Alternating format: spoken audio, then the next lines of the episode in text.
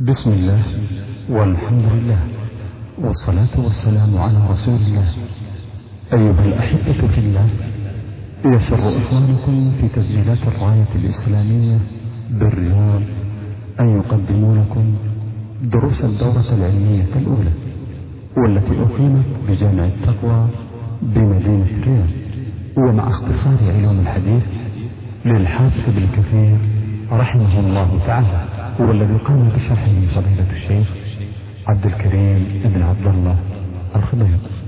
نسأله تعالى أن ينفع المسلمين بهذه الدروس وأن يجزي الشيخ خير الجزاء. والآن نترككم مع مادة هذا علمنا وأن يرزقنا وإياكم الإخلاص بالقول والعمل. الدرس الثاني هو في شرح كتاب اختصار علوم الحديث للحافظ ابن كثير.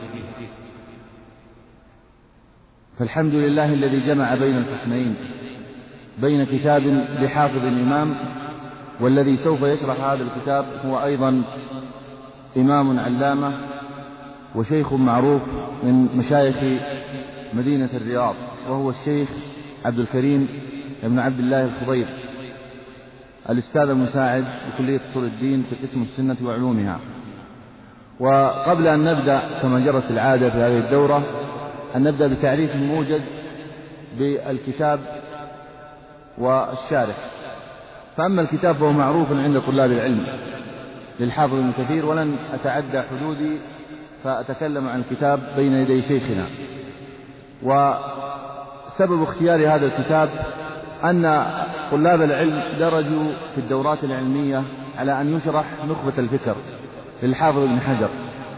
والشيخ قد شرح الشيخ عبد الكريم قد شرح نخبة الفكر عدة مرات في مسجده وفي دورات علمية بل شرح حتى نزهة النظر وشرح قصب السكر في نظم نخبة الفكر للإمام الصنعاني. فكان المباحثة والمدارسة مع الشيخ في أن ننتقل بالطلاب بطلاب العلم إلى متن متوسط ونرتقي بهم من المتون المبتدئة إلى متن أوسع من المتون المختصرة فكان الاختيار لكتاب اختصار علوم الحديث للحافظ ابن كثير.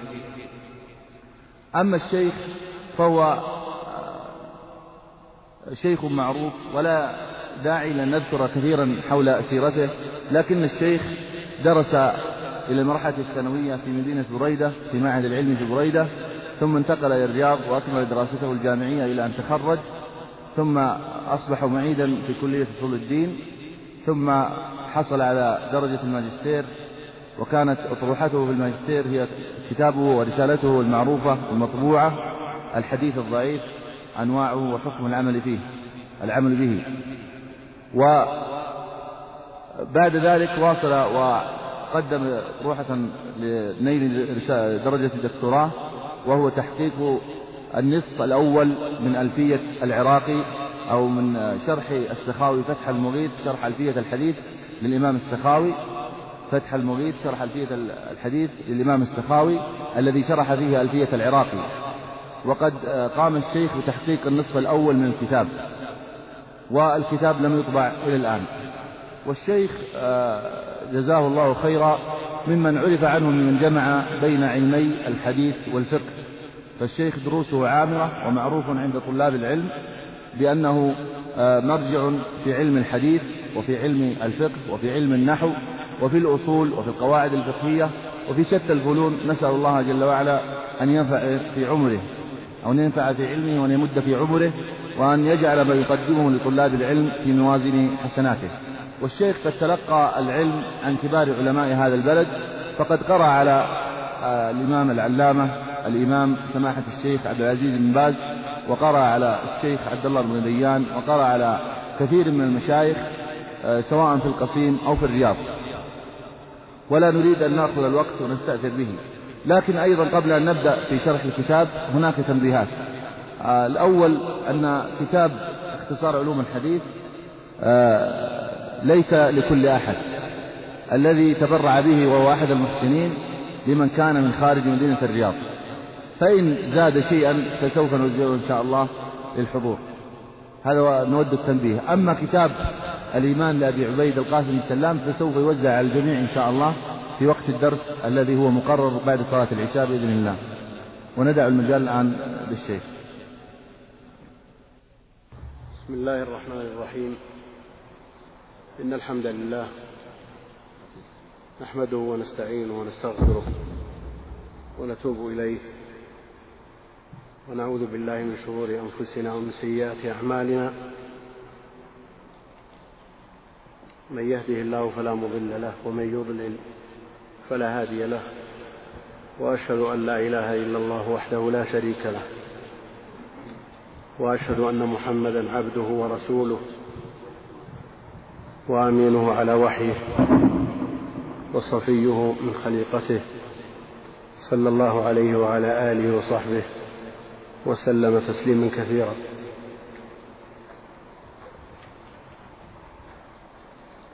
أما بعد قد استأذن الأخ الشيخ ناصر في التعريف فأذنت له بناء على أن النكرة لا بد أن تعرف لتعرف لكنه زاد. وذكر شيئا لا ينبغي أن تذكر. وذكر بعض الأشياء التي لا حقيقة لها. هو الله المستعان. الكتاب اختصار لعلوم الحديث. علوم الحديث كما هو معروف لابن الصلاح الذي لم شتات هذا الفن وجمع ما تفرق في, المؤلف في المؤلفات قبله وقد ذكر الحافظ بن حجر في مقدمة النزهة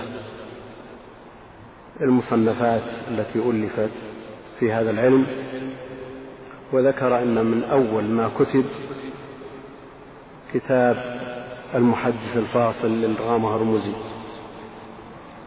وهو من أول ما كتب حقيقة مما يجمع أكبر قدر ممكن في وقته. لأن العلوم كما تعرفون تبدأ أو يبدأ التأليف فيها شيئا فشيئا حتى تكمل وتنضج. كانت علوم الحديث مبثوثة. في مؤلفات المتقدمين وكثير منها إنما كان نتيجة استقراء لصنيع المتقدمين. فلما الشتات الرام هرمزي في المحدث الفاصل ثم جاء بعده الحاكم فصنف كتابه علوم معرفة علوم الحديث وهو أوسع من كتاب الرام هرمزي بالنسبة لعدد الأنواع. ثم بعده جاء القاضي عياض فألف كتابه الإلماع وهو إن كان في طرق التحمل والأداء وكيفية كتابة الحديث وضبطه إلا أنه نافع في بابه. وعلى كل حال من فضول القول أن أسترسل في هذا المجال لأني بين يدي طلبة علم يعرفون هذه الكتب فالكثير منهم رجع إليها. ابن الصلاح جمع ما تفرق في هذه الكتب وفي غيرها من مؤلفات الخطيب الذي لا يخلو فن ونوع من أنواع علوم الحديث إلا وكتب فيه كتابا مستقلا حتى قال ابن نقطة كما هو معروف جميع من أتى بعد الخطيب بالنسبة لعلوم الحديث فهو عيال على كتبه اعتنى من جاء بعد ابن الصلاح بكتاب ابن الصلاح. كان كما قال الحافظ لا يحصى كم ناظم له ومختصر ومستدرك عليه ومنتصر أو معارض له ومنتصر إلى آخر كلامه كما هو معروف. اختصره النووي في كتابين التقريب والإرشاد. اختصره أيضا الحافظ ابن كثير في الكتاب الذي بين أيدينا. ونظمه الحافظ العراقي في ألفيته الشهيرة.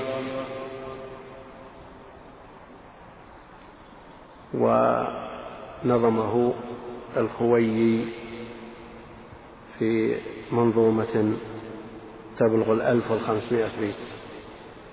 لكن لم تبلغ مبلغ ألفية العراقي. ولم تدانيها. آه، أيضا السيوطي له ألفية في هذا الفن أصلها ألفية العراقي. وكثير من أنصاف أبياتها مأخوذ بحروف من ألفية العراقي. ولهذا يقول فيها واقرأ كتابا تدري منه الاصطلاح كهذه أو أصلها وابن الصلاح يقصد بأصلها ألفية العراقي كما هو معروف.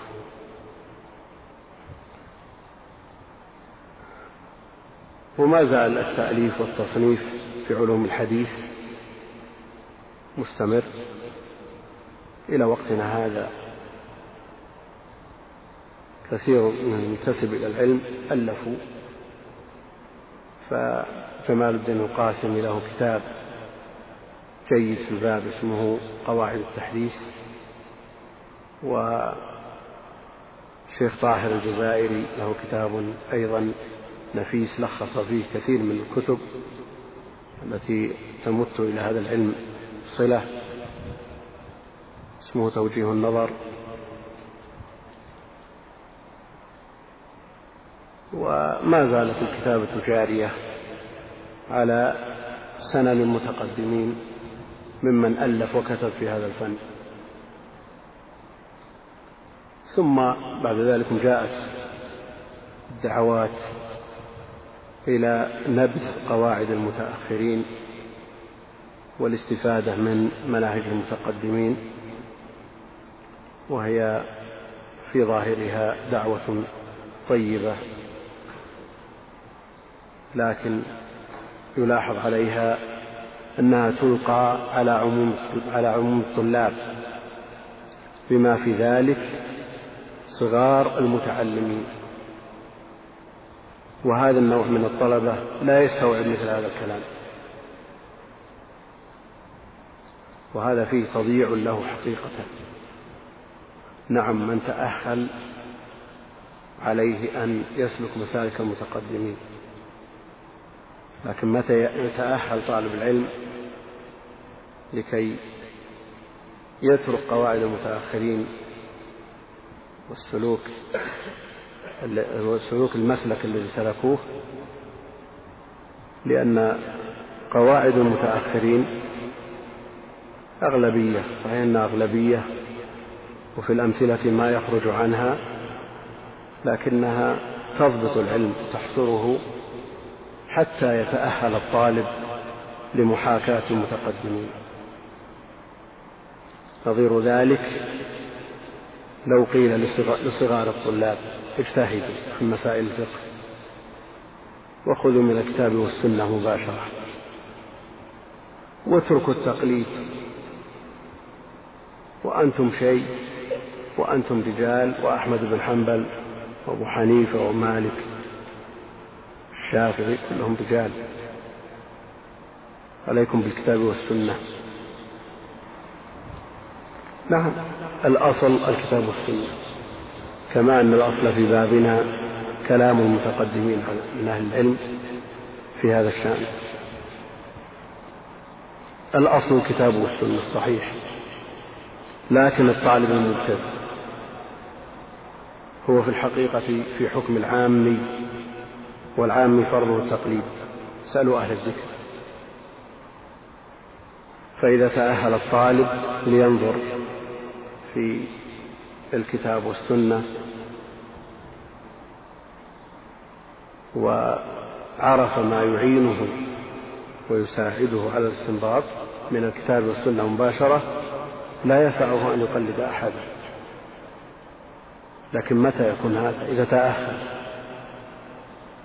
والكلام فيما بين أيدينا من علوم الحديث كذلك. إذا تأهل وصارت لديه أهلية الحكم بالقرائن له أن ينبذ قواعد المتأخرين ويحاكم المتقدمين. لكن متى؟ دونه خرط القتاد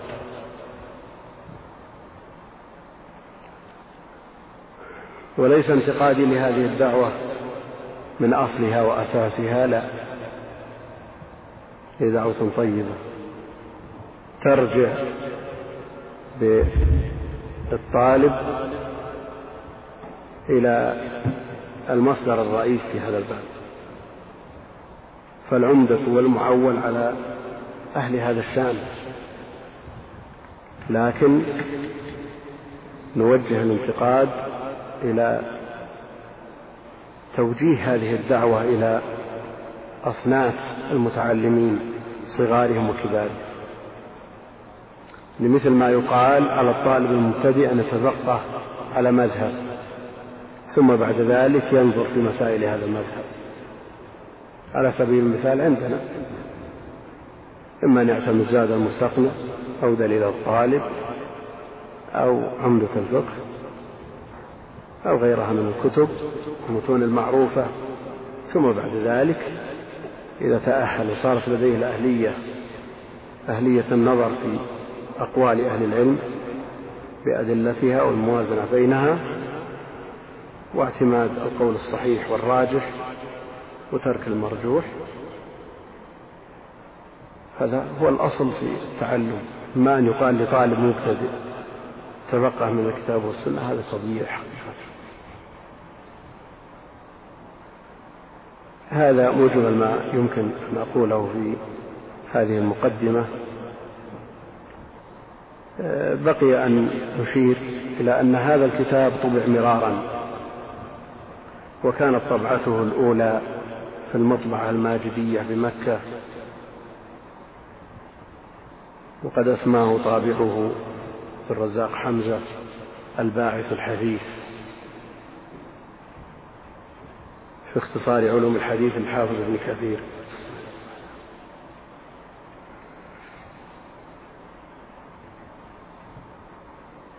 وهذه التسمية ليست من الحافظ رحمه الله إنما كتابه اختصار علوم الحديث.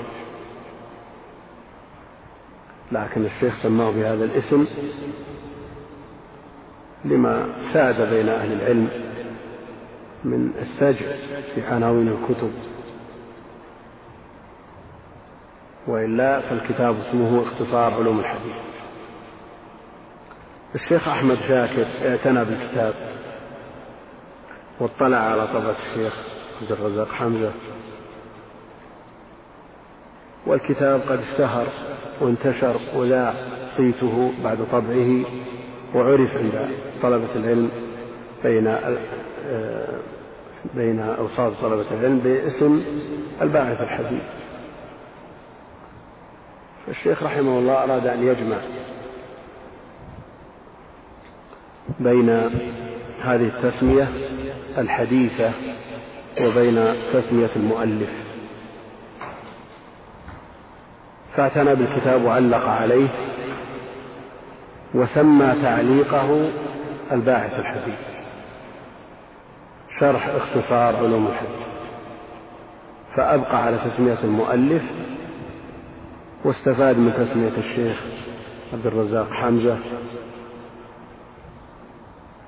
لأن الخطأ إذا انتشر يصعب تغييره فإذا أمكن توجيهه فهو المطلوب.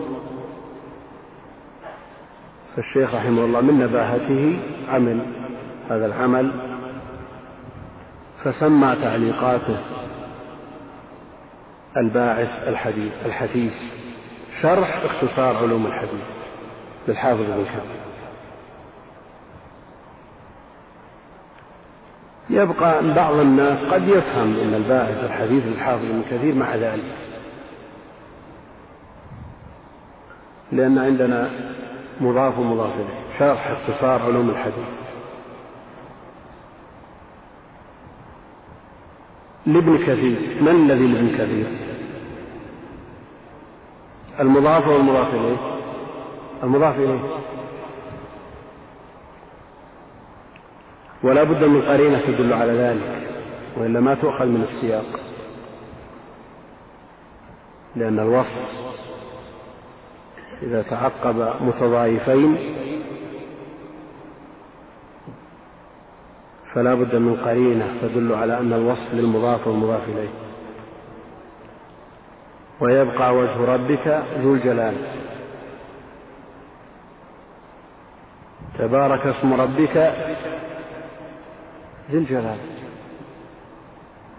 إذا كان الإعراب بالحروف أمر سهل لكن الإشكال إذا كان الإعراب بالحركات. ويزداد الإشكال إذا كان المضاف مجرور مثل المضاف إليه. مررت بغلام زيد الفاضل. هذا مشكل. الوصف لأيهما لزيد أو لغلامه يحتاج إلى قرينة تدل على المراد. وهذا استطراد لكن هو تنبيه لأنه يخفى على كثير من المتحلمين يظن أن الباعث يحاول بالكثير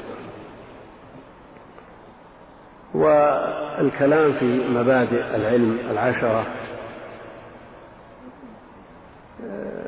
طرق مرارا وكرر فلا أظن أن الإخوة المستمعين بحاجة إليه والأشرطة في شرح النخبة وشرح نظمها وغيرها حتى هذا الكتاب سجل له أشرطة يمكن الرجوع إليها لا سيما وأن الوقت قصير ستة أيام. لا تفي بشرح كل ما في الكتاب فضلا عن الاستطرادات التي قد يحتاج إليها. آه، ولذا فإن شرح الكتاب كتاب يسمع بإذن الله ويقرأ لكن ينتقى التعليق على بعض المسائل التي قد تخفى على طلاب العلم. وأما التعليق على جميع ما ذكر في الكتاب قد يحتاج إلى وقت طويل وقت الدورة لا يستوعب. فنبدأ بعون الله تعالى. سم مقدمة الحافظ رحمه الله.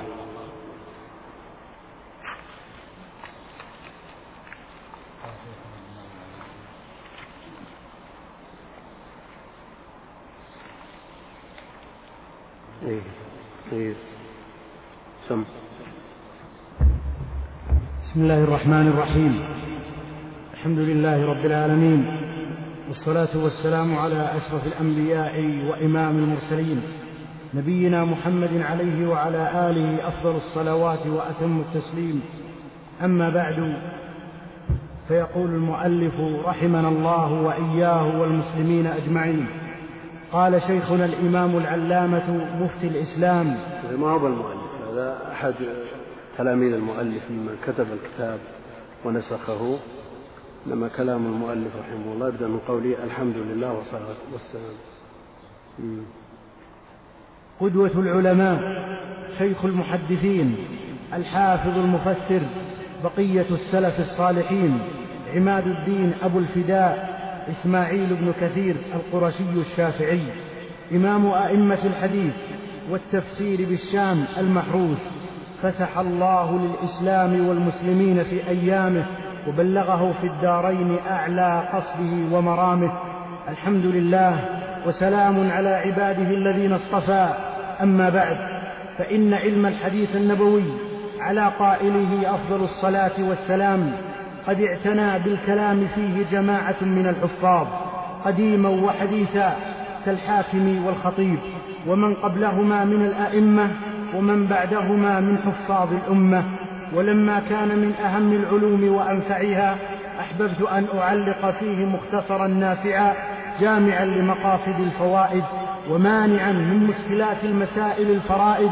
ولما كان الكتاب الذي الذي اعتنى بتهذيبه الشيخ الإمام العلامة أبو عمرو بن الصلاح تغمده الله برحمته من مشاهير المصنفات في ذلك بين الطلبة لهذا الشان. وربما عني بحفظه بعض المهرة من الشبان. سلكت وراءه واحتذيت حذاءه واختصرت ما بسطه ونظمت ما فرطه.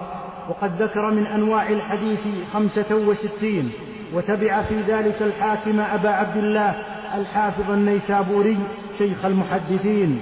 وأنا بعون الله أذكر جميع ذلك مع, ما أضيف إليه من الفوائد الملتقطة من كتاب الحافظ الكبير أبي بكر البيهقي المسمى بالمدخل إلى كتاب السنن. وقد اختصرته أيضا بنحو من هذا النمط من غير وفس ولا شطط والله المستعان وعليه التكلان. ذكر من غير زيادة ولا نقص وكس يعني نقص والشطط المجاوزة في القدر. نعم. ذكر تعداد أنواع الحديث. هذا تبع فيه الحافظ ابن الصلاح رحمه الله في مقدمة الكتاب ذكر أنواع علوم الحديث الخمسة والستين تكون كالفهرس للكتاب نعم. صحيح حسن ضعيف مسند متصل مرفوع موقوف مقطوع مرسل منقطع معضل مدلس شاذ منكر ما له شاهد. زيادة الثقة الأفراد المعلل المضطرب المدرج الموضوع المقلوب.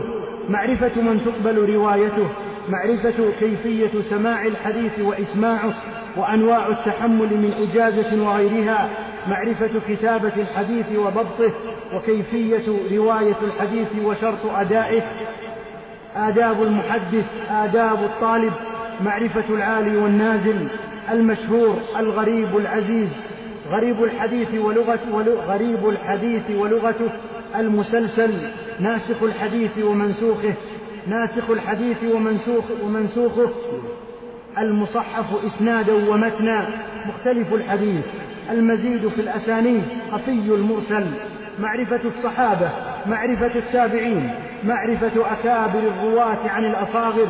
المدبج ورواية الأقران معرفة الأخوة, معرفة الإخوة والأخوات رواية الآباء عن الأبناء عكسه من روى عنه اثنان متقدم ومتأخر من لم يروي عنه إلا واحد ومن له أسماء ونعوت متعددة المفردات من الأسماء معرفة الأسماء والكنى من عرف باسمه دون كنيته معرفة الألقاب المؤتلف والمختلف. المتفق والمفترق نوع مركب من الذين من اللذين قبله نوع آخر من ذلك من نسب إلى غير أبيه معرفة الأنساب التي يختلف ظاهرها وباطنها معرفة المبهمات تواريخ الوفيات معرفة الثقات والضعفاء من خلط في آخر عمره معرفة الطبقات معرفة الموالي من العلماء ومعرفة الموالي من العلماء والرواة معرفة بلدانهم وأوطانهم. فهذا تنويع الشيء. أبي عمرو وترتيبه رحمه الله. قال وليس بآخر الممكن في ذلك فإنه قابل للتنويع إلى ما لا يحصى. إذ لا تنحصر أحوال, أحوال الرواة وصفاتهم وأحوال متون الحديث وصفاتها. قلت وفي هذا كله نظر بل في بسطه هذه الأنواع إلى هذا, إلى هذا العدد نظر إذ يمكن إدماج بعضها في بعض. وكان أليق مما ذكره ثم إنه قد فرق بين متماثلات منها بعضها عن بعض. وكان اللائق ذكر كل نوع إلى جانب ما يناسبه ونحن نرتب ما نذكره على ما هو الأنسب وربما أدمجنا بعضها في بعض طلبا للاختصار والمناسبة وننبه على مناقشات لا بد منها إن شاء الله تعالى. حافظ بن كثير رحمه الله في المقدمة يذكر منهجه في الاختصار وأنه تبع ابن الصلاح في ذكر هذه الأنواع. ثم تعقبه في بسط هذه الأنواع وأنه يمكن لم شملها وإدماج وإدماج بعضها في بعض. وأيضا ابن الصلاح ألف كتابه إملاء يمليه على الطلاب كل يوم بيومه كل درس في وقته. فلم يأتي ترتيبه على الوضع المناسب. فالحافظ ابن كثير رحمه الله قدم وأخر في ترتيب هذه الأنواع نظرا للمناسبة وبقي عليه أشياء مما ينبغي تقديمه وأشياء مما ينبغي تأخيره. على كل حال ترتيب أمره سهل خطو يسير فيه. المقصود استيعاب المادة العلمية. ولذا يقول ونحن نرتب ما نذكره على ما هو الأنسب. وربما أدمجنا بعضها في بعض طلبا للاختصار والمناسبة لو جاء خفي المراسيل مثلا سبيل المثال وجعله مع التدليس أو مع المرسل الظاهر لأن له صلة بالتدليس على ما سيأتي. وله أيضا مشابهة بالمرسل الظاهر على ما سيقرر إن شاء الله تعالى. نعم. النوع الأول الصحيح تقسيم الحديث إلى أنواعه صحة وضعفا. قال اعلم علمك الله وإياي. على كل هذا العنوان تقسيم الحديث هذا ليس من وضع المؤلف. ولذا وضع بين قوسين معقوفين نعم. أن الحديث عند أهله ينقسم إلى صحيح وحسن وضعيف. قلت هذا التقسيم إن كان بالنسبة إلى ما في نفس الأمر فليس إلا صحيح أو ضعيف وإن كان بالنسبة إلى اصطلاح المحدثين فالحديث ينقسم عندهم إلى أكثر من ذلك كما قد ذكره آنفا هو وغيره أيضا. تعريف الحديث نعم. الصحيح. يقول رحمه الله الحديث ينقسم عند أهله إلى صحيح وحسن وضعيف أقر ما ذكره ابن الصلاح من هذا التقسيم. وإن كان أول من قسم الحديث إلى هذه الأقسام الثلاثة آه، الخطابي رحمه الله في مقدمة معالم السنن. قسم هذه الأنواع وحصر الأنواع في ثلاثة. ثم تبع على ذلك من جاء بعده. والأقسام الثلاثة موجودة في كلام المتقدمين لكن الذي سبق إليه الخطابي هو الحصر في الأنواع الثلاثة. ولذا يقول الحافظ العراقي رحمه الله وأهل هذا الشأن قسموا السنن إلى صحيح وضعيف وحسن. أهل هذا الشأن إن كان المراد به الحصر فبدءا من الخطاب فمن دونه وإن كان المقصود وجود هذه الأقسام الثلاثة وهو موجود في كلام المتقدمين عند الترمذي وغيره من العلم قبله. ذكروا هذه الأقسام الثلاثة لكنهم لم يجعلوا القسمة ثلاثية والضعيف كما هو معروف أدرج في السنن تغليبا ومن باب تتميم القسمة ولأنه ليس بمقطوع بكذبه وإن كان الغالب على الظن عدم ثبوته. يقول الحافظ ابن كثير هذا التقسيم كان بالنسبة إلى ما في نفس الأمر فليس إلا صحيح أو ضعيف لأن الكلام إما صدق وإما كذب ولا ثالث ولا واسطة عند أهل السنة. وإن كان المعتزلة يوجد عندهم قسم ثالث ليس بصدق ولا كذب. لكن استدراك الحافظ ابن كثير رحمه الله يقول إن هذا التقسيم كان بالنسبة إلى ما في نفس الأمر فليس إلا صحيح أو ضعيف. وإن كان بالنسبة إلى اصطلاح المحدثين فالحديث ينقسم عندهم إلى أكثر من ذلك. يقول الحديث عندهم حديث صحيح وضعيف وحسن ومرسل ومدلس ومعنعن ومعلق إلى آخره. أنواع كثيرة هو أشار إليها. يقول كما قد ذكره آنفا هو غيره لماذا ما لم يقل ينقسم الحديث إلى خمسة وستين نوعا؟ قال ثلاثة. يجاب عن هذا الإشكال بأن المراد الثاني المراد تقسيمه على اصطلاح المحدثين. والكل راجع إلى الثلاثة. فالمرسل يدخل في الضعيف المدلس كذلك. إلى آخر. فالضعيف أقسامه كثيرة تندرج تحت. هذا الاسم المرفوع مثلا. منه ما يدخل في الصحيح ومنه ما يدخل في الحسن ومنه ما يدخل في الضعيف. الموقوف منه ما يدخل في الصحيح والضعيف والحديث إلى آخره. فالمقصود أن المراد الثاني وهو المنظور إليه اصطلاح المحدثين. والكل كل هذه الأنواع تندرج في الأقسام الثلاثة. نعم. تعريف الحديث الصحيح. قال أما الحديث الصحيح فهو الحديث المسند الذي يتصل إسناده بنقل العدل الضابط عن العدل الضابط إلى منتهاه ولا يكون شاذا ولا معللا. صحيح. والضعيف أيضا صيغة مبالغة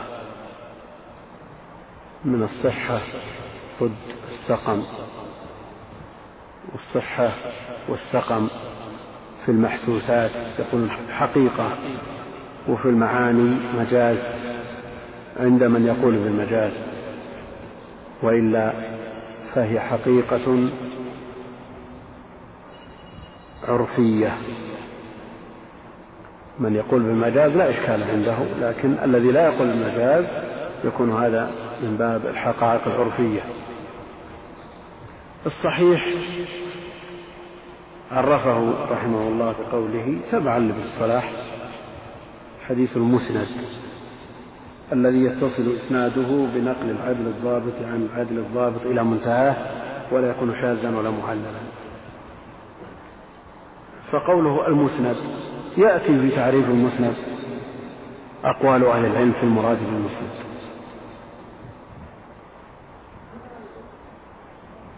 فالمسند هو المرفوع عند بعضهم. وعند بعضهم المسند هو المتصل.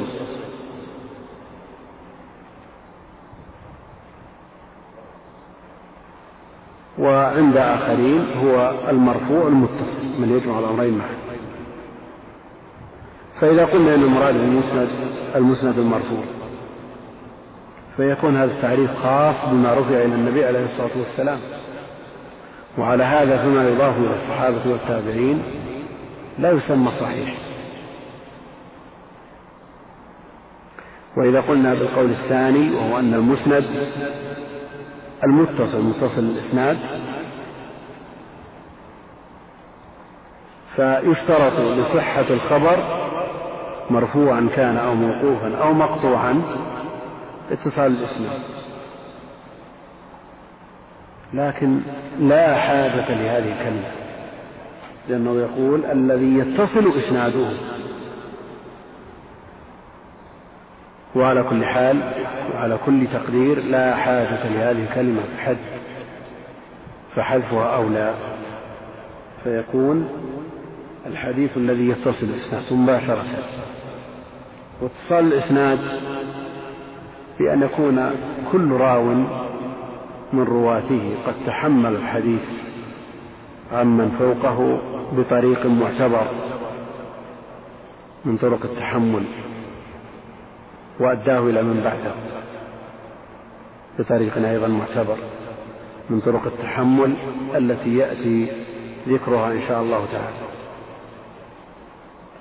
يتصل إسناده بنقل العدل. لا بد أن يكون إسناده متصلا بنقل العدول الرواة العدول والعدل عرفه أهل العلم بأنه من له ملكة تحمله على ملازمة التقوى والمروءة. ضابط الحازم الحافظ الذي يحفظ ويتقن ما يسمعه من حين السماع إلى الأداء. عن العدل الضابط يعني عن مثله. إلى منتهى في جميع طبقات السند.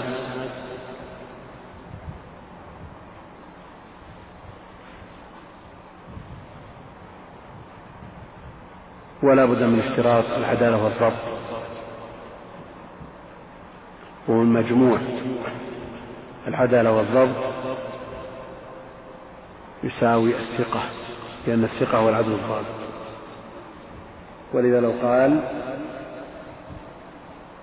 هو الحديث الذي يتصل إسناده بنقل الثقة عن مثله فكفى لكنه تبع في ذلك ابن الصلاح. يقول الحافظ العراقي رحمه الله أجمع جمهور أئمة الأثر والفقه في قبول ناقل الخبر بأن يكون ضابطا معدلا. إلى آخر كلامه رحمه الله الذي سيأتي في بابه في معرفة من تقبل روايته ومن ترد ولا يكون شاذا الشذوذ أيضا مختلف فيه عند أهل العلم لكن الذي استقر عليه اصطلاح المتأخرين هو ما يراه الإمام الشافعي رحمه الله من أنه تفرد الثقة مع المخالفة وذو الشذوذ ما يخالف الثقة فيه الملأ فالشافعي حققه. ومنهم من يرى أن مجرد التفرد شذوذ مجرد التفرد شذوذ وسيأتي تقريره وتحقيقه إن شاء الله تعالى في بابه. ولا معللا. يعني مشتمل على علة والعلة سبب خفي يقدح في صحة الخبر الذي ظاهره السلامة من هذه العلة. ويأتي إن شاء الله بحث المعلل. هم يقول المعلل والمعلول لكنها لغات مرذولة ضعيفة. فالأصل أن يقال المعل على ما سيأتي إن شاء الله تعالى. فعلى هذا يكون الحديث الصحيح. ما اشتمل على شروط كم؟ خمسة. أن يتصل إسناده بنقل العدل الضابط مع انتفاء الشذوذ والعلة. ولذا يقول الحافظ العراقي رحمه الله في تعريفه فالأول المتصل الإسناد بنقل عدل ضابط الفؤاد عن مثله من غير ما شذوذ وعلة قادحة فتوذ.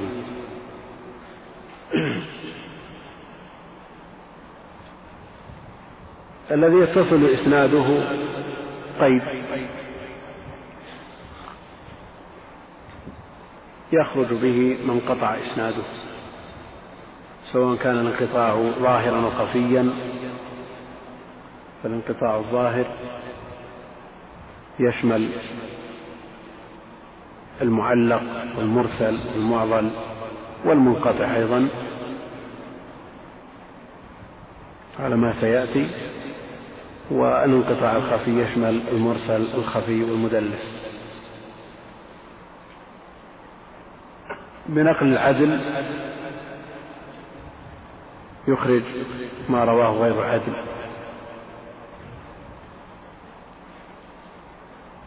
ومن ارتكب معصية تخل بعدالته وتخرجه عن ملازمة التقوى. بأن يرتكب كبيرة أو يترك واجب. فمثل هذا فاسق. وقد أمرنا بالتثبت في خبره فلا نقبل خبره حتى نتثبت فيه. والتثبت أن يأتينا من طرق أخرى.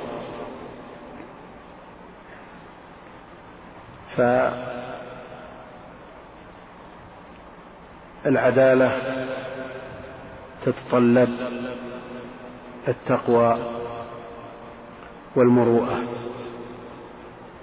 مما يخل بالعدالة الفسق ومن باب أولى الكفر والفسق منه الفسق العملي بارتكاب المحرمات ومنه الفسق الاعتقادي على ما سيأتي بحثه في رواية المبتدع ومن أهم ما ينظر إليه في هذا الباب الكذب لأن الأخبار مدارها على الصدق. ولذا يفردونه وإن كان الكاذب يدخل في الفاسق. والتهمة في الكذب. والفرق بينهما أن من يطلق عليه وصف الكذب يراد به من يكذب في حديث النبي عليه الصلاة والسلام. والذي يتهم بالكذب لا يكذب على النبي عليه الصلاة والسلام. ويعرف عنه الكذب في حديثه مع الناس.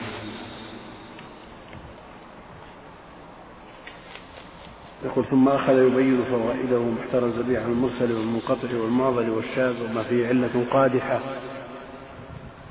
وما في راويه نوع يعني بأحد الطعون الخمسة كذب تهمة بالكذب الفسق والبدعة والجهالة. على ما سيأتي تفصيله إن شاء الله تعالى. نعم. ثم أخذ يبين فوائد قيوده وما احترز بها عن المرسل والمنقطع والمعضل والشاذ وما فيه علة قادحة وما فيه وما في راويه نوع جرح. قال فهذا هو الحديث الذي يحكم له بالصحة. بلا خلاف بين أهل الحديث وقد يختلفون في بعض الأحاديث لاختلافهم لاختلافهم في وجود هذه الأوصاف أو في اشتراط بعضها كما في المرسل. نعم هذا هو الحديث الذي يعني ما اشتمل على الشروط الخمسة. هو الحديث الذي يحكم له بالصحة بلا خلاف بين أهل الحديث. إذا اشتمل الحديث على هذه الشروط الخمسة فهو صحيح اتفاقا. الذي ينازع في انتفاء في اشتراط انتفاء الشذوذ يخرج عن هذا الإجماع الذي ذكره الحافظ من العلماء من نازع في اشتراط انتفاء الشذوذ. يقول لا يلزم اشتراط انتفاء الشذوذ بل قد يوجد من الشاذ ما هو صحيح. لأن راوي ثقة وغاية ما في الباب أن يكون هناك صحيح وأصح.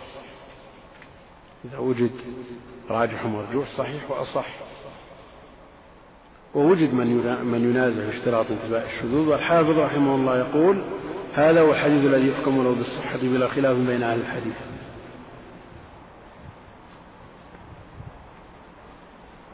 من نازع باشتراط بعض هذه الشروط يخرج عن هذا الإجماع؟ الذي ذكره كثير لا لا يخرج. لماذا؟ لأنه لم يذكر ال ال ال الإجماع في الأقل وإنما ذكر الإجماع في الأعلى الذي توافرت فيه هذه الشروط.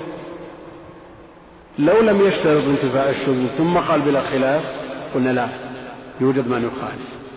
لا بد من اشتراط انتفاء الشذوذ. لكن الذي لا يشترط انتفاء الشذوذ وانتفى الشذوذ لا لا يوافق على أن الحديث صحيح. بلى يوافق. بل من باب أولى. وقد يختلفون في بعض الأحاديث. يقول ما دام هذه الشروط الخمسة عند أهل العلم مضبوطة ومتقنة محررة وتطبيقها سهل. كيف يختلفون في حديث واحد منهم من يقول صحيح ومنهم من يقول ضعيف؟ نعم. أجاب عن ذلك لاختلاف لاختلاف في وجود هذه الأوصاف. يختلفون في راوي من رواة. منهم من يقول ثقة ومن يقول هو دون الثقة. ضعيف مثلا أو صدوق فلا يستحق الوصف بالصحة لاختلافه في وجود هذه الأوصاف ومنهم من يقول هذا الراوي لقي الراوي الثاني وأخذ عنه ومنهم يقول لم يلقوا لم يثبت أنه لقيه. وهكذا. أو في اشتراط بعضها بعض ينازع في اشتراط انتفاء الشذوذ على ما تقدم فيسمي ما اشتمل على الشذوذ صحيح وغيره يسميه ضعيف. لأنه نازع اشتراط بعض الشروط. منهم من لا يشترط الاتصال مثلا اتصال الإسناد فيقبل المرسل. وهذا قول جمع من أهل العلم قبول المراسيل على هذا يصحح المراسيل فينازع. يأتيهم من يقول أبدا الخبر ضعيف لأنه مرسل. احتج مالك كذا النعمان به وتابعوهما به ودانوا ورده جماهر النقاد. للجاهل بالساقط في الإسناد على ما سيأتي في باب المرسل إن شاء الله تعالى. المقصود أن هذه الشروط يشترطها جمع من أهل العلم جمع غفير وإن نازع بعضهم في اشتراط بعضها. لصحة الخبر. فإذا توافرت هذه الشروط التي هي الحد الأعلى فالخبر صحيح اتفاقا. الخبر صحيح اتفاقا إذا انتفى الشذوذ. الذي ينازع اشتراط انتفاء الشذوذ. ألا يصححه؟ نعم يصحح. من العلم ما هو قادح ومنها ما هو ما هو ليس بقادح كما هو معروف ويأتي هذا في باب المعلم إن شاء الله تعالى. نعم. قلت فحاصل حد الصحيح. أنه المتصل أنه المتصل سنده بنقل العدل الضابط عن مثله حتى ينتهي إلى رسول الله صلى الله عليه وسلم أو إلى منتهى من صحابي أو من دونه ولا يكون شاذا ولا مردودا ولا معللا بعلة قادحة وقد يكون مشهورا أو غريبا. نعم. حد الصحيح الذي تقدم أجمله هنا وحذف كلمة المسند لعدم الحاجة إليها. حتى ينتهي إلى رسول الله صلى الله عليه وسلم يعني إن كان الخبر مرفوعا أو إلى الصحابي إن كان موقوفا أو من دونه إن كان مقطوعا ولا يكون شاذا ولا مردودا بأي سبب موجب للرد ولا معللا بعلة قادحة لأن من العلل ما ليس بقادح. يعني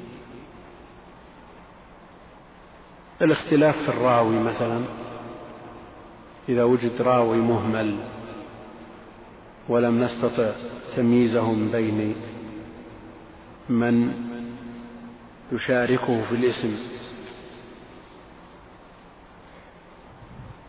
أو وجد اختلاف هل هذا الحديث عن سفيان مثلا الثوري أو ابن عيينة؟ اختلفوا في على راويين وهما ثقتان. هذه علة نعم. تدل على أن هذا الراوي ما ضبط من حدثه لكن علة ليست بقادحة لأنه أينما دار فهو على ثقة. ولذا لم يشترطوا مثل هذا. وقد يكون مشهورا مستفيضا يروى من طرق متعددة. قد يكون عزيزا بأن يروى من طريقين وقد يكون غريبا. قد يكون الحديث الصحيح غريبا لم يأتي إلا من طريق واحد أو تفرد به راو واحد. وليس تعدد الطرق شرط ليس بشرط قبول الخبر ولا لصحته. وليس بشرط البخاري كما زعمه بعضهم. وليس شرطا للصحيح فاعلمي وقيل شرط وهو قول الحاكم. حاكم كلامه يومي إلى اشتراط التعدد في ناقل الأخبار لكن كلامه مردود. تبعه على هذا جمع من أهل العلم. لا بد أن يكون الخبر مرويا من طريقين فأكثر. في كلام البيهقي ما يفيده قول أبي الحسين البصري من المعتزلة ليس بغريب. قول الكرماني الشارح يزعم أنه شرط البخاري في صحيحه لكن ليس هذا بالصحيح أول حديث في الصحيح وآخر حديث في الصحيح يرد هذا الكلام. فإن أول حديث حديث الأعمال بالنيات غريب قرابة مطلقة ومثله آخر حديث الصحيح كلمتان خفيفتان على اللسان إلى آخر قريب أيضا غرابة مطلقة. فهذان الحديثان وغيرهما من غرائب الصحيح ترد هذه المقالة. نعم. وهو متفاوت في نظر الحفاظ في محاله ولهذا أطلق بعضهم أصح الأسانيد على بعضها. فعن أحمد وإسحاق أصحها الزهري عن سالم عن أبيه. وقال علي بن المديني والفلاس أصحها محمد بن سيرين عن عبيدة عن علي. عبيد عبيد. عن عبيدة عن علي. وعن يحيى بن معين أصحها الأعمش عن إبراهيم عن علقمة عن ابن مسعود. وعن البخاري مالك عن نافع عن ابن عمر وزاد بعضهم الشافعي عن مالك إذ هو أجل من روى عنه. هو متفاوت في نظر الحفاظ في محله. قد يشترك أحاديث في الصحة وبعضها أصح من بعض. وكلها حجج يجب العمل بها لكن يستفاد من هذا التفاوت عند المعارضة فيقدم الأصح على الصحيح. ولذا ذكر أهل العلم أصح الأسانيد. وإن كان الأولى أن لا يحكم على سند ما بأنه أصح مطلقا. لأنه قد يعرض للمنفوق ما يجعله فائقا. قل حافظ العراقي رحمه الله المعتمد إمساكنا عن حكمنا على سند بأنه أصح مطلقا وقد خاض به قوم فقيل مالك عن نافع بما رواه الناسك إلى آخره. ولا شك أن مثل هذا وإن قال به كبار الأئمة. الإمام البخاري له قول الإمام أحمد له قول نسائي والفلاس يحيى بن معين وغيرهم لهم أقوال في هذه المسألة. لكن لا شك أن هذا قول منتقد. يعني إذا أردنا أن نأتي إلى ما اختاره الإمام البخاري مثلا مالك عن نافع عن ابن عمر. مالك نجم السنن. لكن هل كل ما رواه الإمام مالك أرجح مما رواه غيره؟ في كل حديث حديث. ألم تضبط للإمام مالك بعض الأخطاء؟ يعني في باب الشاذ ومالك سمى ابن عثمان عمر لم يوافق على ذلك. مالك عن نافع. نافع رابط متقن. لكن الأكثر على أن سالما ابن عبد الله بن عمر. أجل من نافع. ابن عمر. هل هو أضبط من أبيه؟ أو أوثق من أبيه؟ فمن هنا أتي ودخل على هذه الأقوال. وعلى كل حال يستفاد من معرفة أصح الأسانيد وحفظها أن نحكم بالصحة مباشرة. لما روي بواسطتها. ونرجحها وكي نرجحها أيضا إما باعتبار من قيل فيهم ذلك الرواة أو باعتبار القائلين عند الحاجة إلى ذلك. وإلا فليست مضطردة. وقد يعرض للمنطوق ما يجعله فائق كما هو معروف ولذا المعتمد الإمساك على حكم على عن الحكم على سند ما بأنه أصح أو على حديث ما بأنه صح مطلقا أو على كتاب ما بأنه صح كتب. وإن كان العلماء قرروا أن صحيح البخاري أصح الكتب هذا قول جماهير أهل العلم على ما سيأتي إن شاء الله تعالى وهو المعتمد عندهم. لكن هل يعني هذا أن كل حديث في البخاري أصح من كل حديث ما في صحيح مسلم؟ لا. لأن التفضيل هذا إجمالي. نعم. أول من جمع صحاح الحديث. فائدة. أول من اعتنى بجمع الصحيح أبو عبد الله محمد بن إسماعيل البخاري.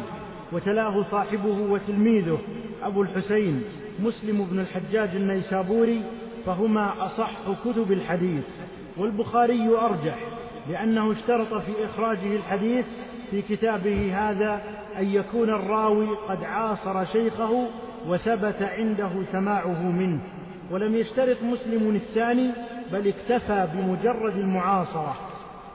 ومنها هنا ينفصل لك النزاع في ترجيح تصحيح البخاري على مسلم.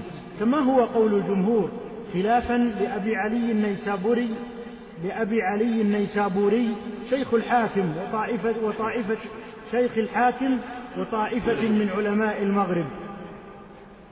ثم إن البخاري ومسلما لم يلتزما بإخراج جميع ما يحكم بصحته من الأحاديث. فإنهما قد صححا أحاديث ليست في كتابيهما كما ينقل الترمذي كما ينقل الترمذي وغيره عن البخاري تصحيح أحاديث ليست عنده بل في السنن وغيرها. نعم. يقول رحمه الله فائدة أول من اعتنى بجمع الصحيح يعني الصحيح المجرد وإلا فموطأ مالك مشتمل على أحاديث كثيرة صحيحة وهو قبل البخاري فأول من اعتنى بجمع الصحيح أبو عبد الله محمد بن إسماعيل البخاري ثم تلاه تلميذه وخريجه مسلم بن الحجاج وهذان الكتابان أصح الكتب. والبخاري أرجح وأصح. أول من صنف في الصحيح محمد وخص بالترجيح ومسلم بعد يعني بعد البخاري. وبعض الغرب مع أبي علي فضلوا ذا لو نفع. جمهور العلماء على أن صحيح البخاري أصح من صحيح مسلم وأرجح منه. أبو علي النيسابوري وبعض المغاربة فضلوا صحيح مسلم على صحيح البخاري. حجة الجمهور في ترجيح البخاري أن الأصحية ترجع إلى اتصال الأسانيد وثقة الرواة. والبخاري لا شك أنه أكثر اتصالا لأنه يشترط اللقاء على ما استفاض عنه ونقله أهل العلم وقرروه وحرروه وإن نوزع في ذلك أخيرا. على ما سيأتي في السند المعنعن إن شاء الله تعالى. البخاري رحمه الله يعتني بهذا عناية فائقة. إذا كان السند عنده معنعن والراوي وصم بتدليس ولو كان تدليس غير مخل يتبع ذلك بمتابعة تبين أن هذا الراوي قد سمعه من فوق أو يشهد لما ذكره في السند المعنعن والأمثلة على ذلك في البخاري كثيرة جدا. ومسلم رحمه الله يكتفي بالمعاصرة في السند المعنعن قرر ذلك صراحة في مقدمة صحيحه وشن على من يشترط ثبوت اللقاء. وهذه مسألة طويلة الذيول مسلم قررها تقريرا. لا مزيد عليه في مقدمة صحيحه والشراح وضحوا مراده ومقصوده. وهل يريد بمن يرد عليه في مقدمة صحيح البخاري أو علي بن المديني أو غيرهما؟ كلام طويل سيأتي. أو تأتي الإشارة إليه إن شاء الله تعالى فيما بعد. أيضا الرواة بالنسبة لصحيح البخاري من خرج عنهم الإمام أوثق ممن خرج لهم مسلم. بدليل أن من انتقد من الرواة في صحيح مسلم أكثر ممن انتقد من رواة صحيح البخاري. ومن انتقد من الأحاديث في صحيح مسلم أكثر ممن انتقد من الأحاديث في صحيح البخاري.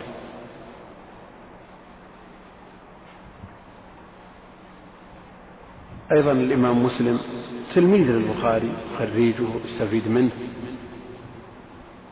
معرفته بالعلل لا شيء بالنسبة للإمام البخاري. المقصود أن الإمام البخاري أرجح وكتابه أصح. وهذا ترجيح إجمالي. يعني جملة ما في صحيح البخاري أرجح من جملة ما في صحيح مسلم. وإن كان في صحيح مسلم ما قد يفوق صحيح البخاري ما في صحيح البخاري لقرائن تحتف به. هذا ما سيأتي في ما يفيده خبر الواحد. البخاري ومسلم لم يلتزما إخراج جميع ما يحكم بصحته من الأحاديث بل ترك من الأحاديث الصحيحة الكثير خشية أن يطول الكتاب كما صرح به كل منهما فيما نقل عنه. ومسلم صراحة في صحيحه يقول ليس كل صحيح كل حديث صحيح صحيح وضعته ها هنا وإنما وضعته ها هنا. ما أجمعوا عليه والخلاف في فهم كلام الإمام مسلم طويل لعل الوقت يسمح بقصده فيما بعد إن شاء الله تعالى. نقل عنهما أيضا التصحيح خارج صحيحيهما فنقل عن البخاري كثيرا. نقل الترمذي. أو صح أحاديث في علله وفي سننه. وشرح الحافظ بن رجب رحمه الله على البخاري مملوء بتصحيحات الأئمة كالبخاري ومسلم وأحمد وغيره. على كل حال لا حاجة للإستدراك على الصحيحين. ولذات الاستدراك. أما أن تجمع الأحاديث الصحيحة خارج الصحيحين مطلب لكن ما يقال أن البخاري أخل بشرطه مسلم أخل بشرطه فينتقد ويعاب عليه أنه ما خرج أحاديث ينبغي أن يخرجها لأنها على شرطه. لأنه ما التزم ولم يعم معه. ولكن قلما عند ابن الأخرم منه قد فاتهما ورد فاتهما شيء كثير. ولكن قلما عند ابن الأخرم منه قد فاتهما ورد هذا الكلام. ورد لكن قال يحيى البر لم يفت الخمسة إلا النزر الخمسة المراد بها البخاري ومسلم وأبو داود والترمذي والنسائي. وفيه ما فيه أيضا لأنه فات الخمسة شيء كثير من الصحيح. يصفو من صحيح ابن حبان ومستدرك الحاكم والسنن من الصحيح شيء الكثير وفيه ما فيه كناية عن ضعفه لقول الجعفي عن البخاري أحفظ منه عشر ألف ألف. يحفظ مئة ألف حديث صحيح. والذي في كتابه شيء يسير من هذا الحديث. سبعة آلاف المكرر بدون التكرار ألفين وستمائة حديث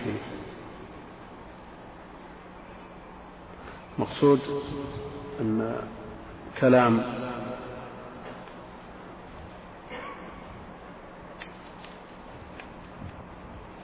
لعل الأسئلة تجمع في كل في نهاية كل درس لتقرأ في أول الدرس الثاني. لأن ما نقدر نأخذ لها وقت مبين قد يطول على الدرس الثاني الذي يليه لكن في بداية الدرس يخصص لها عشر دقائق من اليوم اللاحق إن شاء الله تعالى.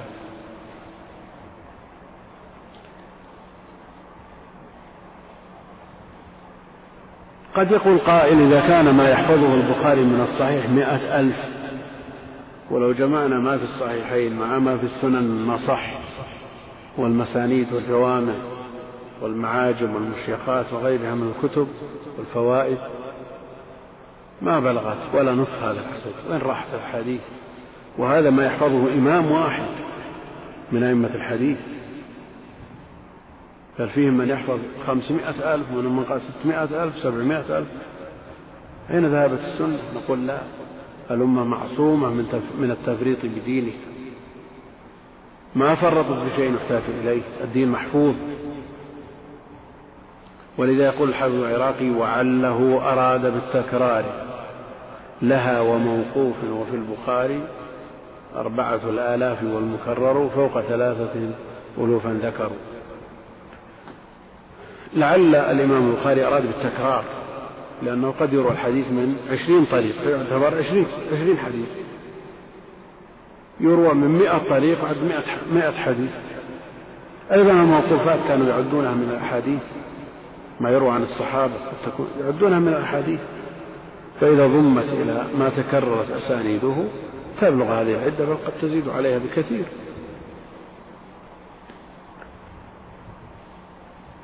نعم.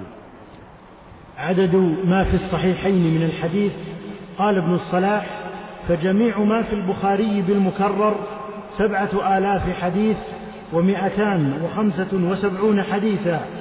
وبغير تكرار أربعة آلاف. وجميع ما في صحيح مسلم بلا تكرار نحو أربعة آلاف الزيادات على الصحيحين. وقد قال هذا عنوان هذا عنوان جميع ما في البخاري بالمكرر سبعة آلاف أو تزيد قليلا. وأيضا صحيح مسلم بالتكرار ثمانية آلاف أو سبعة آلاف وخمسمائة. أو اثنى عشر ألف كما قال بعضهم. البخاري قد يزيد قد ينقص في العدد. أولا روايات الكتب تختلف. كتب البخاري مروي بروايات متعددة يزيد بعضها في العدد وينقص البعض الآخر. مسلم كذلك وإن كان أقل. أقل في التفاوت بين رواياته. لأن البخاري له روايات متعددة ومتباينة.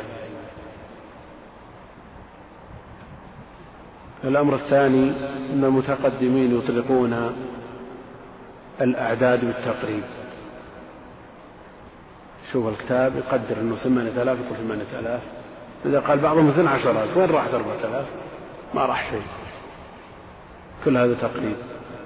مسند الإمام أحمد بن من يقول أربعين ألف. تعدوا على التحرير ما يصل ثلاثين. وين راحت العشرة؟ ما راح. المتقدمون ما يرون مثل هذه الأعمال. ولا يدخلون ضمن اهتماماتهم. فبدلا من أن يعد المسند أربعين ألف حديث أو ثلاثين ألف حديث يحفظ مئة حديث. صار الاهتمام بالأعداد والزائد والناقص واحد واثنين إلى آخره. من اهتمامات المتأخرين؟ نعم الترقيم له نفع وله فائدة يخدم الآخرين لكن ليس من مقاصد المتقدمين. زاد الأمر عند بعض المتأخرين إلى عد الحروف. يعني شخص من ينتسب إلى العلم من أهل اليمن أشكل عليه القراءة في تفسير الجلالين. هل يقرأه يحتاج إلى طهارة ولا يقرأ بدون طهارة؟ لأن الحكم للغالب. فعد الحروف عد حروف التفسير وحروف القرآن. يقول إن المزمل العدد واحد. من المدثر إلى آخر القرآن. زادت حروف التفسير قليلا. فانحلت عنده المشكلة صار يقرأ التفسير من دون طهارة. على كل حال هذا ليس من مقاصد من يحرص على وقته من الضياع. نعم من أراد أن يعتني بكتاب ويخرجه ليستفيد منه الناس ويضع له أرقام ويفهرس لا بأس. تكون المصلحة متعدية. لكن يضيع وقته على أن يعد أرقام ويعد أحاديث ويعد حروف. هذا تضييع للوقت. ترف. وتجد من قال صحيح مسلم ثمانية آلاف من قال اثنى عشر ألف. كل هذا التقريب. تفاوت عشرة آلاف حديث في مسند الإمام أحمد. كلهم تتابعوا على أن البخاري بدون تكرار أربعة آلاف. هل تولى واحد منهم عد الأحاديث بدون تكرار؟ لا. الذي تولاه الحافظ بن حجر حينما شرح الصحيح.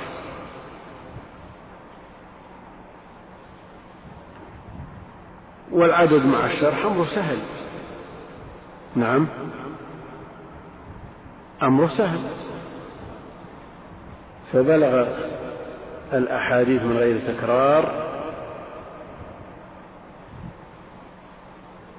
ألفين وستمائة حديثين. هذا من غير تكرار.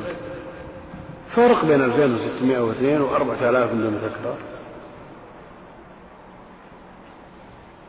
فرق كبير لكن الحافظ حرر في كل نهاية في نهاية كل كتاب يذكر أحاديث الكتاب من كتب الصحيح. لما انتهى من بدء الوحي قال عدد أحاديث كذا والمكرر كذا. لما انتهى من كتاب الإمام قال عدد أحاديثه كذا المرفوع منها كذا. والموقوف كذا تقدم كذا والمكرر منها كذا. في النهاية ذكر العدد الإجمالي.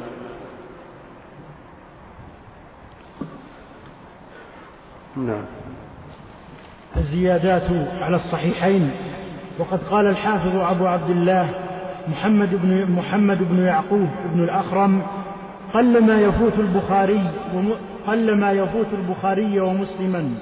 من الأحاديث الصحيحة وقد ناقشه ابن الصلاح في ذلك فإن الحاكم قد استدرك عليهما أحاديث كثيرة وإن كان في بعضها مقال إلا أنه يصفو له شيء كثير. قلت في هذا نظر فإنه يلزمهما بإخراج أحاديث لا تلزمهما لضعف رواتها عنده عندهما أو لتعليلهما ذلك والله أعلم.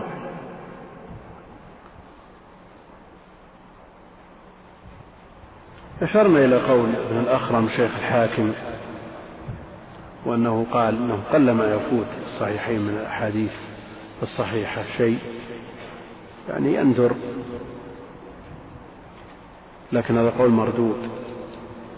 يصفو من السنن يصفو من المستدرك بن حبان بن خزيمة سند الإمام أحمد سنن البيهقي يصفو منها صحيح كثير.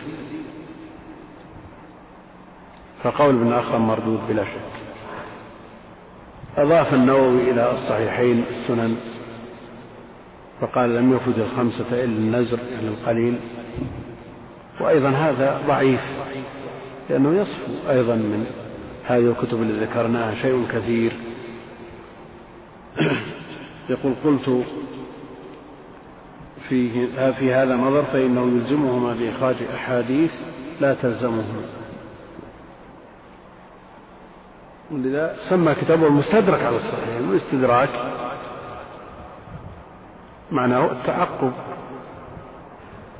فكأنهما أخلا بما اشترطا ما اشترطا الاستيعاب ولم يشترطا أن يخرج جميع ما صح لا.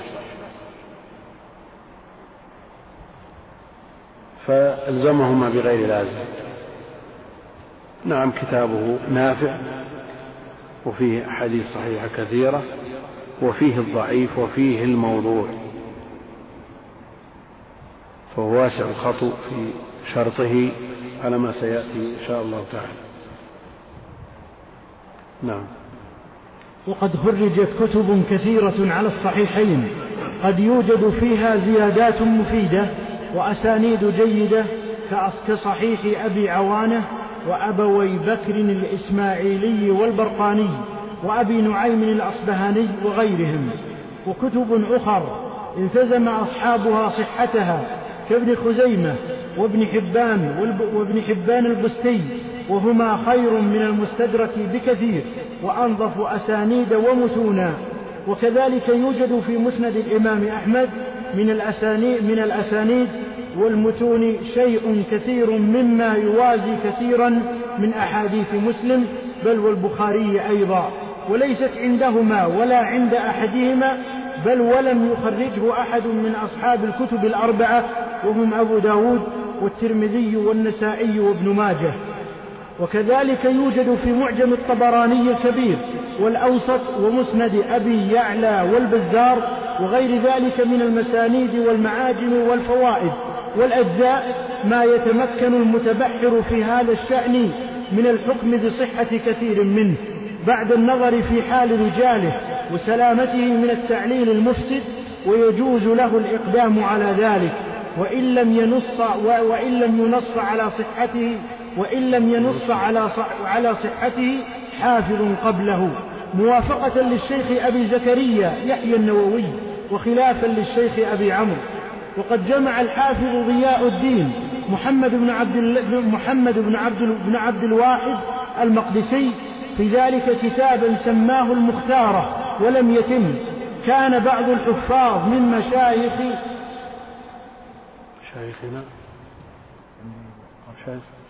مشايخي مشايخنا. إيه إيه. من مشايخنا كان بعض الحفاظ من مشايخنا يرجحه على مستدرك الحاكم والله أعلم.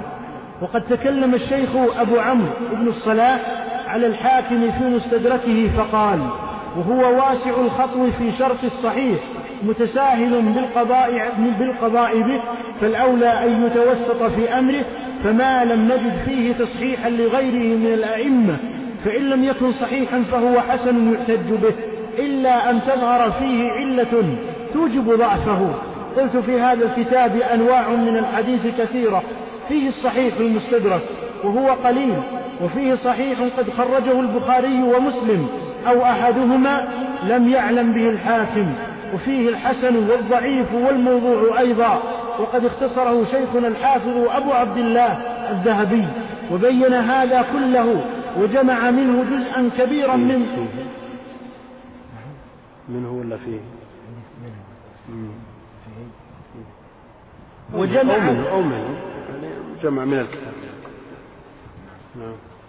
وجمع فيه جزءا كبيرا مما وقع فيه من الموضوعات وذلك يقارب مئة حديث والله أعلم. موطأ مالك. يقول قد خرجت كتب كثيرة على الصحيحين. هذا ما يعرف بالمستخرجات.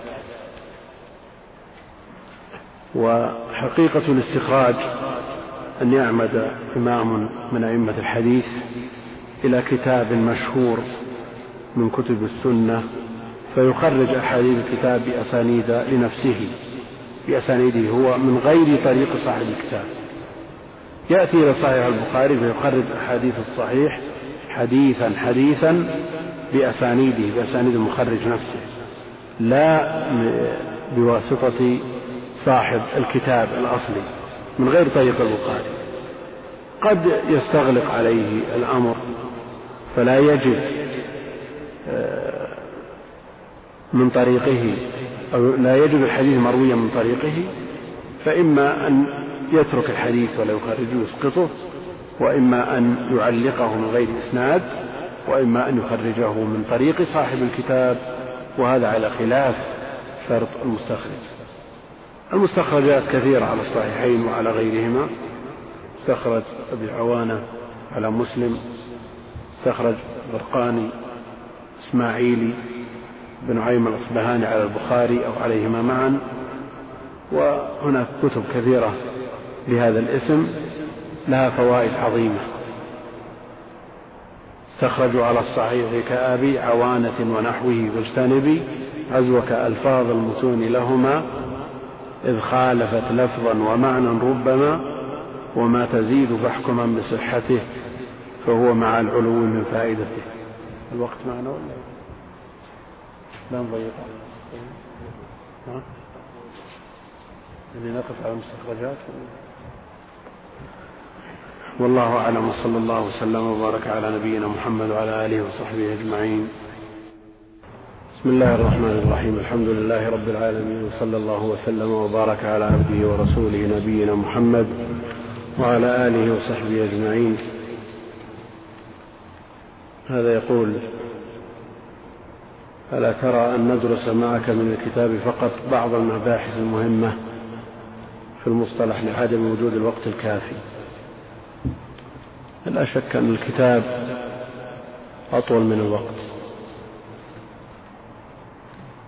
أطول من الوقت. ولذا قد يلاحظ البعض أني في درس الأمس أريد أن أبسط وأسترسل ثم أحجم. خشية من آه، نهاية الوقت قبل أن ينتهي الكتاب.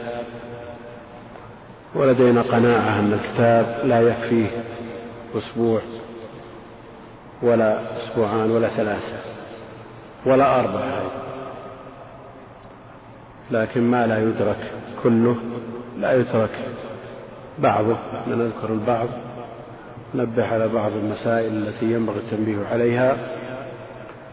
وأما الاقتصار على قول في كل مسألة ما يذكره الحافظ ابن كثير الكتاب كما نعلم إنما هو للمتوسطين وليس للمبتدئين.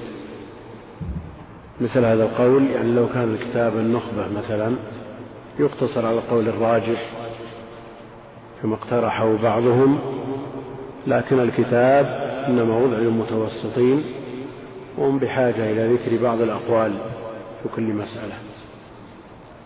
ولكن نحاول أن نسدد ونقارب وننهي ما نتمكن من إنهائه ولعل إن بقي في العمر بقية يكون باقيه في دورة أخرى إن شاء الله تعالى.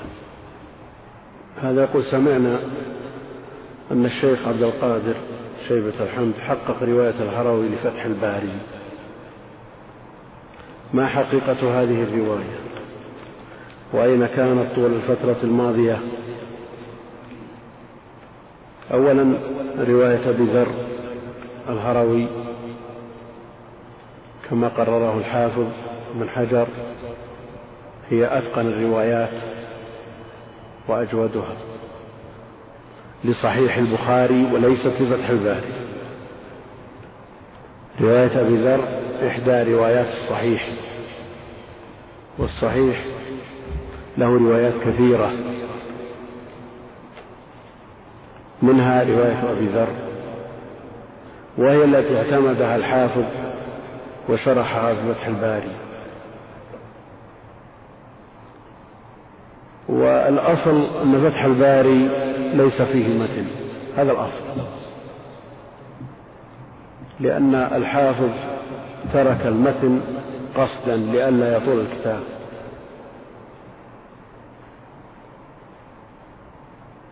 الذين طبعوا الكتاب عن فتح الباري في طبعته الأولى في بلاق ما أدخلوا المتن في الشرح إنما وضعوه في الحاشية.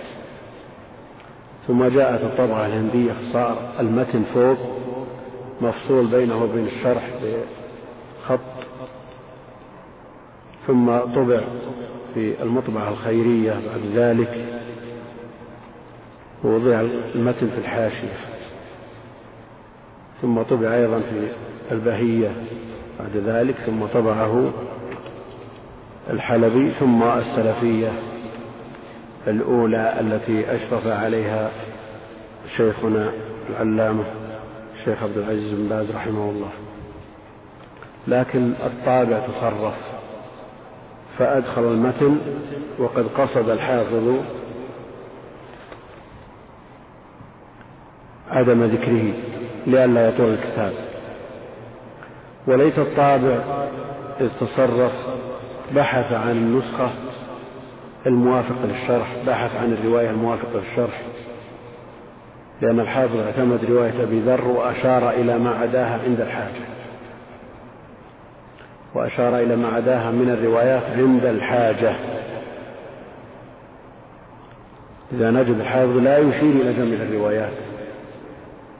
خلافا للقسطلاني الذي يشير إلى جميع ما جاء من الروايات في أي كلمة ولو كان الخلاف في حرف ولو كان الخلاف لا يترتب عليه أي فائدة لكنه يشير إلى كل شيء سواء كان في المتن أو في الإسناد أو في صيغ الأداء أو غيرها.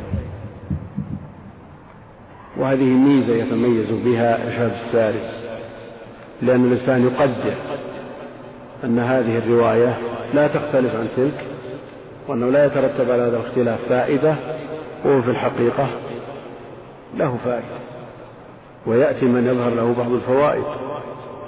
المقصود أن الحافظ لم يقصد إدخال المتن في الكتاب لئلا يطول الكتاب. والطابع تصرف فأدخل المتن لكن المتن الذي أدخله ملفق ليس على رواية واحدة. ولذا تجدون اختلاف الكبير بين الشرح والمشروح. تجد في المتن كلمات بحاجة إلى شرح لم يتعرض لها الحافظ. وتجدون في الشرح قوله كذا ويشرح كلمة ليست موجودة في المتن.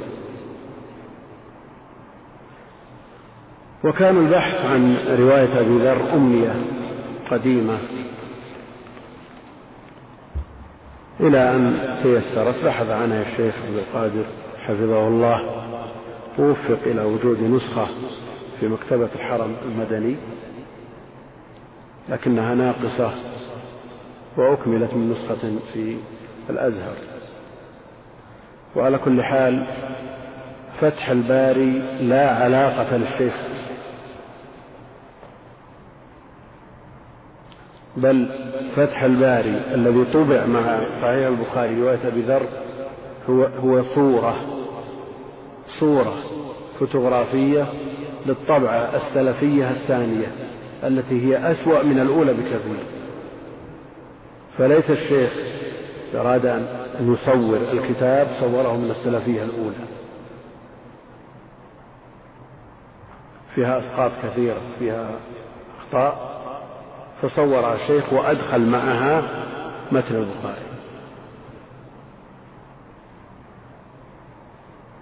هذه الطبعة السلفية الثانية التي صورت سموها ثالثة وانتشرت باسم الريان وغير الريان وموجودة في الأسواق الآن صور عنها الشيخ. فالشيخ لا علاقة له بفتح الباري مع أن الشيخ حفظه الله آه، أغفل تعليقات الشيخ عبد العزيز رحمه الله فلم يذكر منها شيئا.